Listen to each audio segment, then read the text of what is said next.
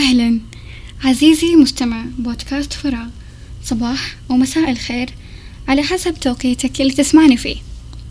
اليوم راح نحكي عن موقف أو تقدر تقولوا إنها تقريبا قصة رحلة بالتشافي مع أحد صديقاتي. طبعا تقول فيها آه إنها بتحكي رحلتها للتشافي عشان يستفيد منها الكثير. تخصصها علم نفس وعمرها عشرين سنة. في هذا العمر هي استطاعت أنها تتغلب عن أمور كثيرة ما في أحد يعرفها آه غير ربنا وهي وعلاقة بينها وبين ربها. طبعا صحيت آه من الدنيا. أن ولدت طفلة صغيرة جميلة جدا. صحيت بصدمة بكاء بس ما كان بكاء لطفل رضيع. تو يفتح عيونه الحياة. لا بس كان بكاء لطفلة تتألم وما حد يفهم ألمها أبدا. طبعا هي كبرت بين أيادي الأطباء. أمها حنونة جدا وأبوها بذل جهده ليبقى لها سند. طبعا هي انصدمت كثير بطفولتها ولكن هذه الصدمات طبعا أتت من حياة وأقدار وليس لأنها شخص يشفق عليه. هي شخص محظوظ لأن الحياة ترطم بالجميع لكن ارتطاماتها بيها كانت مبكرة جدا عشان هي تتعلم مبكر وتصبح كمان أكثر نضجا. ولا يأتي عمر عشرون عاما إلا وهي مستعدة تماما عشان تصير الشخص الناضج وتمضي بحياة صحية. هذه هي عقليتها اللي نجتها من الكثير إنها ما تعيش دور الضحية وكأن العالم بأسره لا يريدها. قال الله تعالى ولقد خلقنا الإنسان في كبد. يعني إيش؟ يعني لابد من المشقة في هذه الحياة. و... وعدم شفائها لا يعني إنه هي ما بت... يعني ما بتتألم بس يعني إنها قاعدة تتعلم وقاعدة تواجه ذاك الألم وقاعدة تتخلص منه إنها تكون أكثر توازن وإنها تعيش بدون صراعات نفسية. وتتشافى. يعني إنها إيش؟ تفهم ذاتك جيد. طبعا هي تقول آه التشافي آه يعني أن تفهم ذاتك جيدا. وطبعا أكيد هي صادقة في هذه النقطة. دخلت مرحلة الابتدائية وكانت جدا متفوقة بذكائها. لكن في مرحلة ما كانت فاقدة لثقتها بذاتها. ما هي هذيك البنت المتفوقة؟ لأنها واجهت التنمر على شكلها بصورة دعابات وهي ما كانت تدري إنها أجمل وحدة. طبعا أمور كثيرة ما نبغى نتطرق لها لخصوصيتها. لكن لما وصلت الصف السادس إنها ما رضيت بالوضع اللي هي فيه.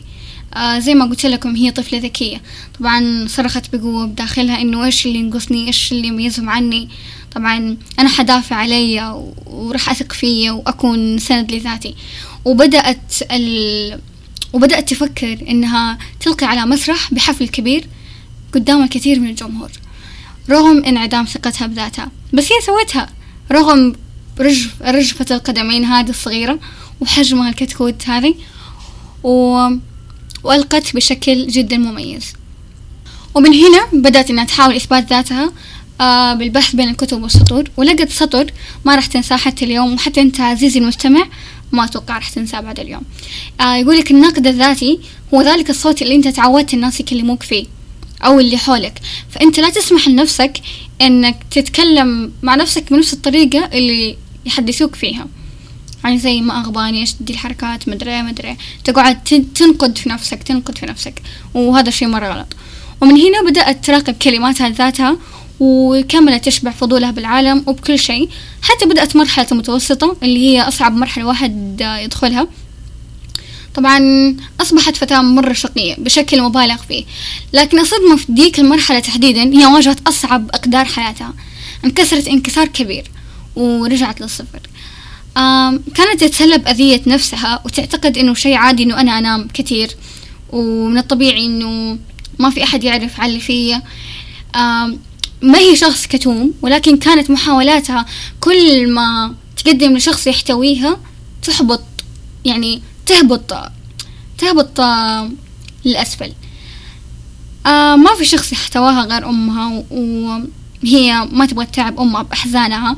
حتى جاء يوم من الأيام التقت بفتاة صديقة.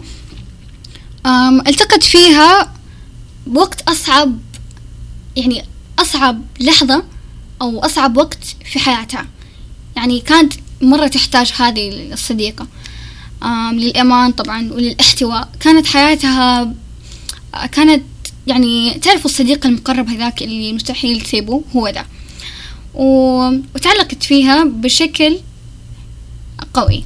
طبعا تشتكي لها بداخلها وبغزارة وهي ما راح تنكر هذا الكلام وما راح تنكر الصداقة اللي بينهم. إنه قد إيش هذه البنت كانت معها بأوقات كثير.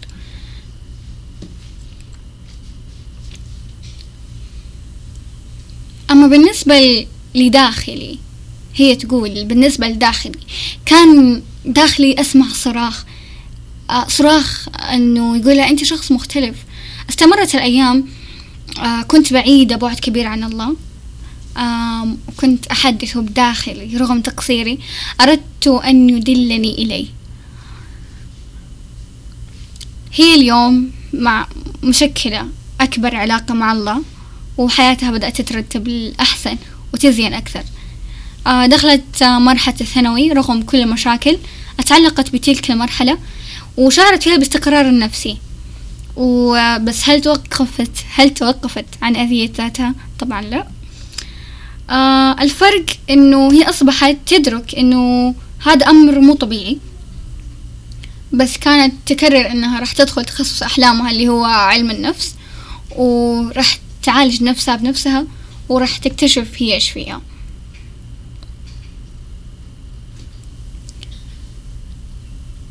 لقيت وحدة في المدرسة آه كانت مرهقة من الداخل جدا انطوائية من الخارج كونها شخص جريء لحد ما وفضولي وفضولها عالي. آه ليس فضول تطفل كان إنما يعني عشان تكون سبب لنجاة شخص آخر فحاولت تتقرب منها بس الصدمة إنها بدأت تخاف إن البنت تتعلق فيها. وعشان هي ما تستطيع تعالج الشخص هذا ف فهي دخلت هذا التخصص اضطرت إنها تبتعد عن البنت هذه على الأقل عشان ما تأذيها بالتعلق. وهذا الأمر ما راح تنساه حتى اليوم. وأجزمت إنها تدخل تخصص علم النفس عشان تعالج الكثير وأولهم ذاتها. طبعا هي اليوم مبروك دخلت تخصص علم النفس تخصص إنساني وبدأت أيامها الأولى بأمراض جسدية. كانت لوحدها لا صديق لا رفيق. متعلقة ومتبعثرة أذت ذاتها مرة مرة مرة.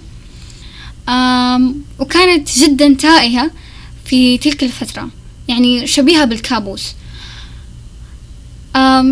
صرخة قوية خرجت من داخلها ويعني كانت تتكلم بينها وبين ربي إنه يا رب أنا أوعدك إني حتغير بس أنت عافيني هذه المرة وأنا من جد راح أتغير. الله تقبل دعاها الحمد لله الله أنجاها على طول. ومن هنا بدأت برحلتها بالتشافي. بحثت كثير وقرأت كثير حتى وصلت آه للسنة الثانية بالجامعة. كانت خبراتها بالتشافي ترعب الكل. فجميع الكتب والقنوات ما قالت لها إنها راح تتغير المعتقدات و آه راح يروحوا الناس اللي يذوكي من حياتك. ومن تلقاء أنفسهم أصلا لأنهم هم ما. هم ما يرغبوا بشخص يختلف عنهم وعن طاقتهم وكمان اختلاف وعيهم. فمتعب جدا. وأيضا يعني راح يقولوا لك أنت أنانية أنت ما تعطيهم يعني حقهم بالكامل. آم ولذلك كأنها كانت بالسابق مرة يعني السابق حقها كان مرة جميل. فلذلك هي حتوقف عن إنزاف طاقتها بالأماكن أو بالأشخاص وراح تحتفظ فيها لنفسها. وهي كمان خافت أيضا من فكرة إني راح أمرض وراح أمر بمشاكل ما راح تنتهي ونتيجة تغيري آه، بنتيجة التغير وإنه راح يتم صراع داخل صراع داخلي بإنها توقف عن تلك المرحلة المرحلة إنه أنا مو لازم أوقف في دي المرحلة. ولا المقاومة للعلاج ومن الكلام اللي يرعبها الكثير إنها راح تصير شخص يواجه فخافت كثير إنها ما تبي تواجه. وحينها كانت تفكر كثير هل أنا دحين لازم أبدأ أرتاح؟ وكيف أتدارك آه، دراستي؟ وخصوصا معدلها العالي ما شاء الله لازم تحافظ عليه. فقررت إن فقررت فقررت إنها تبدأ وربي حيساعدها إن شاء الله. طب كيف بدأتي؟ إيش سويتي؟ ده الكلام. بدأت بالكتابة. و... تقول كأني أرجع لورا أكتب كل مشاعري كل صدمة عشتها من ولادتي.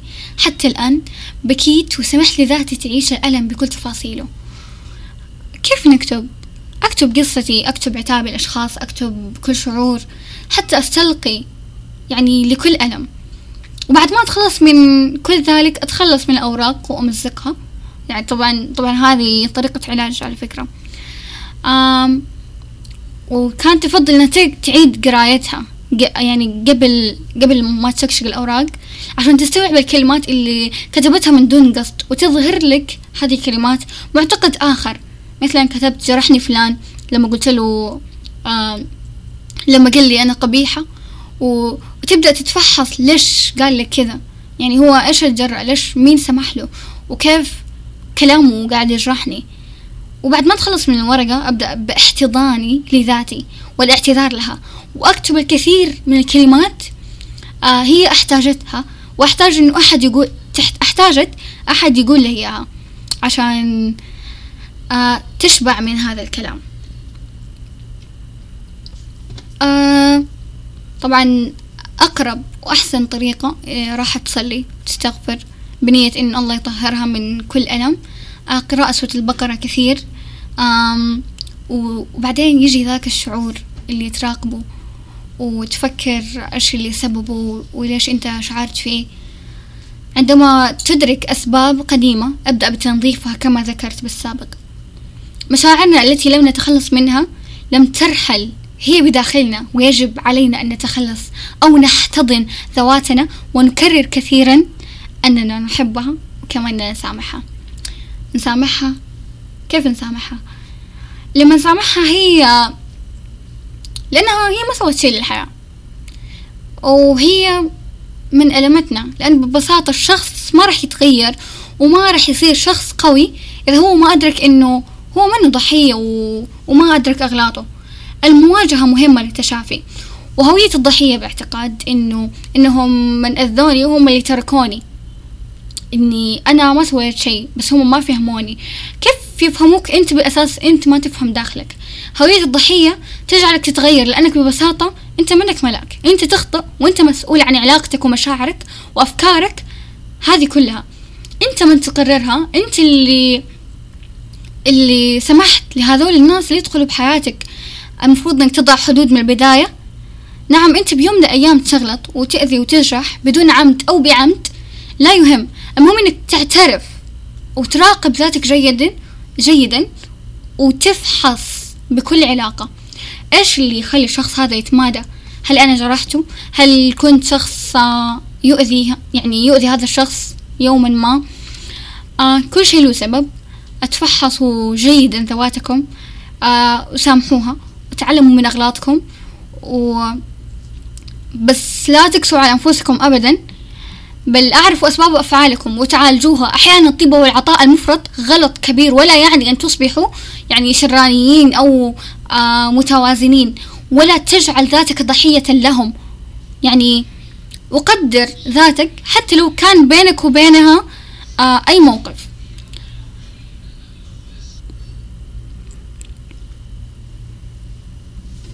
بالنسبة للكلام اللي خافت منه كان صحيح. ما عدا شيء واحد إنه سيأتي علي الأمراض ذلك لم يكن صحيحا. يعني يعني الأشياء اللي أنت خفت منها ما راح تجيب لك الأمراض.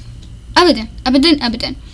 أنت تخلص منها وحتى الآلام الجسدية هذه تخلص منها بسبب الضغوط. أما المواجهة نعم أصبحت ما تخاف من المواجهة.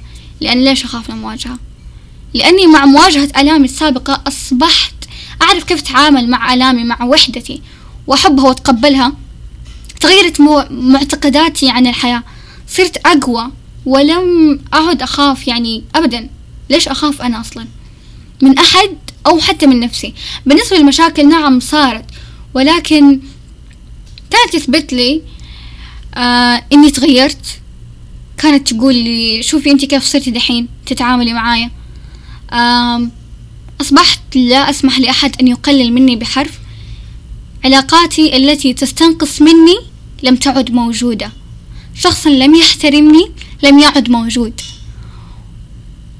وكل ذلك كان فقط بسبب مواجهتي. باحترام نعم قالوا لي أنانية برغم إني ما قلت كلمة واحدة مؤذية عن أي أحد آه لأني بس أنا أردت نجاة. وقالوا لي أنت أنانية.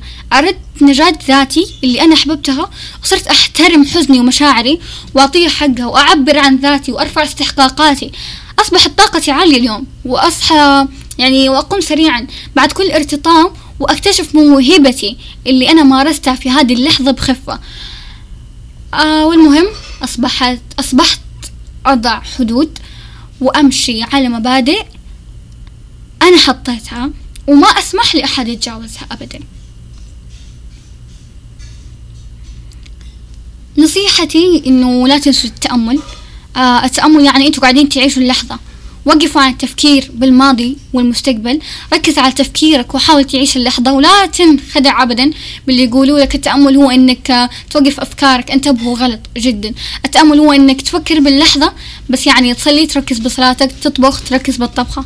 هذا هو التأمل. إذا حسيت بفرحة عادي عيشها بدون ما تفكر. أتأملها وكيف تأكد إنك تستحق الس... يعني لما تعيش هذه الفرحة أكد فيها إنك تستحق السعادة. والأشياء الحلوة كرر كلمات إيجابية. أنت تقرر واقعك كيف يكون. تفائلوا بالخير تجدوه. اللي يكرر أنا حزين أنا تعيس أنا مكتئب أنا علاقاتي فاشلة أقداركم تؤخذ من أفواهكم. ولا ننسى الامتنان. نحمد الله كثير على الماضي والحاضر. آه وكل أمر صغير أو كبير يوميا نمارس الامتنان ولا نشكو لأحد غير الله والورق. آه تقبلوا فكرة إن اليوم بكون سعيد؟ ممكن مالي خلق بعده ممكن تجي مشكلة وأتعامل معاها بعقل وهكذا هي حياة. واللي يمر بالتعافي فجأة بيكون سعيد بعد شوي زعلان ويمر بمشاعر كثير. هذا شيء عادي مع إنه الوقت مع الوقت راح تبدأ تفهم نفسك. نصيحتي الأخيرة حبوا ذواتكم العلاج بداخلكم لا تكابروا. لا تكبروا موضوع وتع... وعبروا عن نفسكم. ولا تعتبروا نفسكم ملائكة ولا تتهربوا من الألم ولا تعتقدوا الناس ضدكم. أنا غلط بأمور كثير واجهت أغلاطي وسامحت نفسي. غضبكم فرغوه بالرياضة أو بشيء أنتوا تحبوه. آه، أبدأوا بالتغيير. لا تستنوا شيء من الدنيا لأن الدنيا راح تخبط فيكم أكتر وأكتر ولا تحاولوا تغيروا من أحد لأن الله تعالى يقول لا يغير, لا يغير الله بقوم حتى يغيروا ما بأنفسهم. إذا ربي سبحانه وتعالى ما غير بأحد لين الشخص هو اللي يحاول يغير بنفسه فما بالكم بإحنا البشر النصيحة مهمة. ولكن أنت مش مسؤول من أحد إن وضعت إن وضعت بالحياة هذه عشان نفسك وآخرتك وحياتك بس صدقوني ربي حيساعدكم. مجرد قررت أبدأ حياة جديدة. آه بدايتها أول شيء الله و...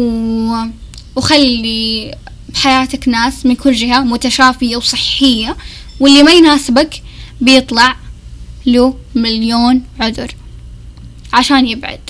ويقول تغيرت وصرت أناني وياخدونك الناس مني. المهم ركز بنفسك هذه مو بأنانية. الأنانية إنك تأذي غيرك بس طالما أنت ما أذيت أحد فعادي. خليهم يشوفونك بالطريقة اللي يبغوا يشوفوها. لكن بعد وقت أنا واثقة بتكون أنت واثق من نفسك وعارف نفسك زين. وبالنسبة متى حتتشافى؟ آه هي بدأت تتشافى بعمر تسعة عشر سنة. وبعدها بخمسة شهور هي الحين تكتب عمرها عشرين سنة ولكن ما تشافت تماما. هي رحلة مستمرة انت راح تلاقي نفسك تتشافى تدريجيا. يعني بعد شهر تشافيت من موضوع معين بعد سنة بتتشافى من موضوع آخر. وانت كذا راح تعرف إنك تشافيت لما ما عاد يأثر فيك لما تتذكر الماضي. آه التشافي رحلة مستمرة ممتعة لأنك بعد كل ما تتشافى من حاجة بتحس كأن روحك فراشة. وطايرة بالسماء تصير أكثر وعي بذاتك وثقة وقوة وشجاعة كما شجاعة اليوم بكتابة الماضي دون خجل وبكل فخر والموضوع لا, يخجل, لا يخجل أبدا. لأن كلنا نمر بمشاكل وأشياء تبقى بداخلنا. آه كلمة تشافي ما تعني لك مريض. والمرض أساسا ليش يكون عيب؟ و لكن كلمة تشافي تعني إنك من أمر ما إنك تعاني من أمر ما آه وتريد يعني انت تبغى خلاص تخلص منه وتكون شخص صحي أكثر. لك وللي حولك ولأن ولنفسك أول شيء. آه آخر شيء حاب أقول انتبهوا من المواقع اللي تستغل الناس اللي تحتاج مساعدة ويكونوا وهميين بأمور غريبة منها إن روحك تطلع ورسائل روحية وأشياء غريبة ومن ضمن اللي كنت أسويه قبل أي تمرين قبل أي شيء أسويه أقول توكلت عليك يا الله. حتى نجاني من من مواقع وقنوات تطلب أشياء ما ترضي ما ترضي الله. فعشان كذا ما توكلوا على الله قبل أي تصرف. أم الله حينجيكم من أي شيء. أم أقرأوا كتب راح تساعدكم. وأقرأ كتاب أحببته وغدا. وكتاب أبي الذي أكرهه. وكتاب قوة العقل الباطن؟ كتب كثيرة لا تركزوا على العناوين لكن المحتوى إن شاء الله بيكون عميق. وطالما وصلتوا لهنا حاب أختم بأنكم أشخاص عظيمين جدا. كونوا تسعون للنجاة وشكرا. كانت معكم البتول من بودكاست فراغ. إلى اللقاء في حلقة قادمة إن شاء الله.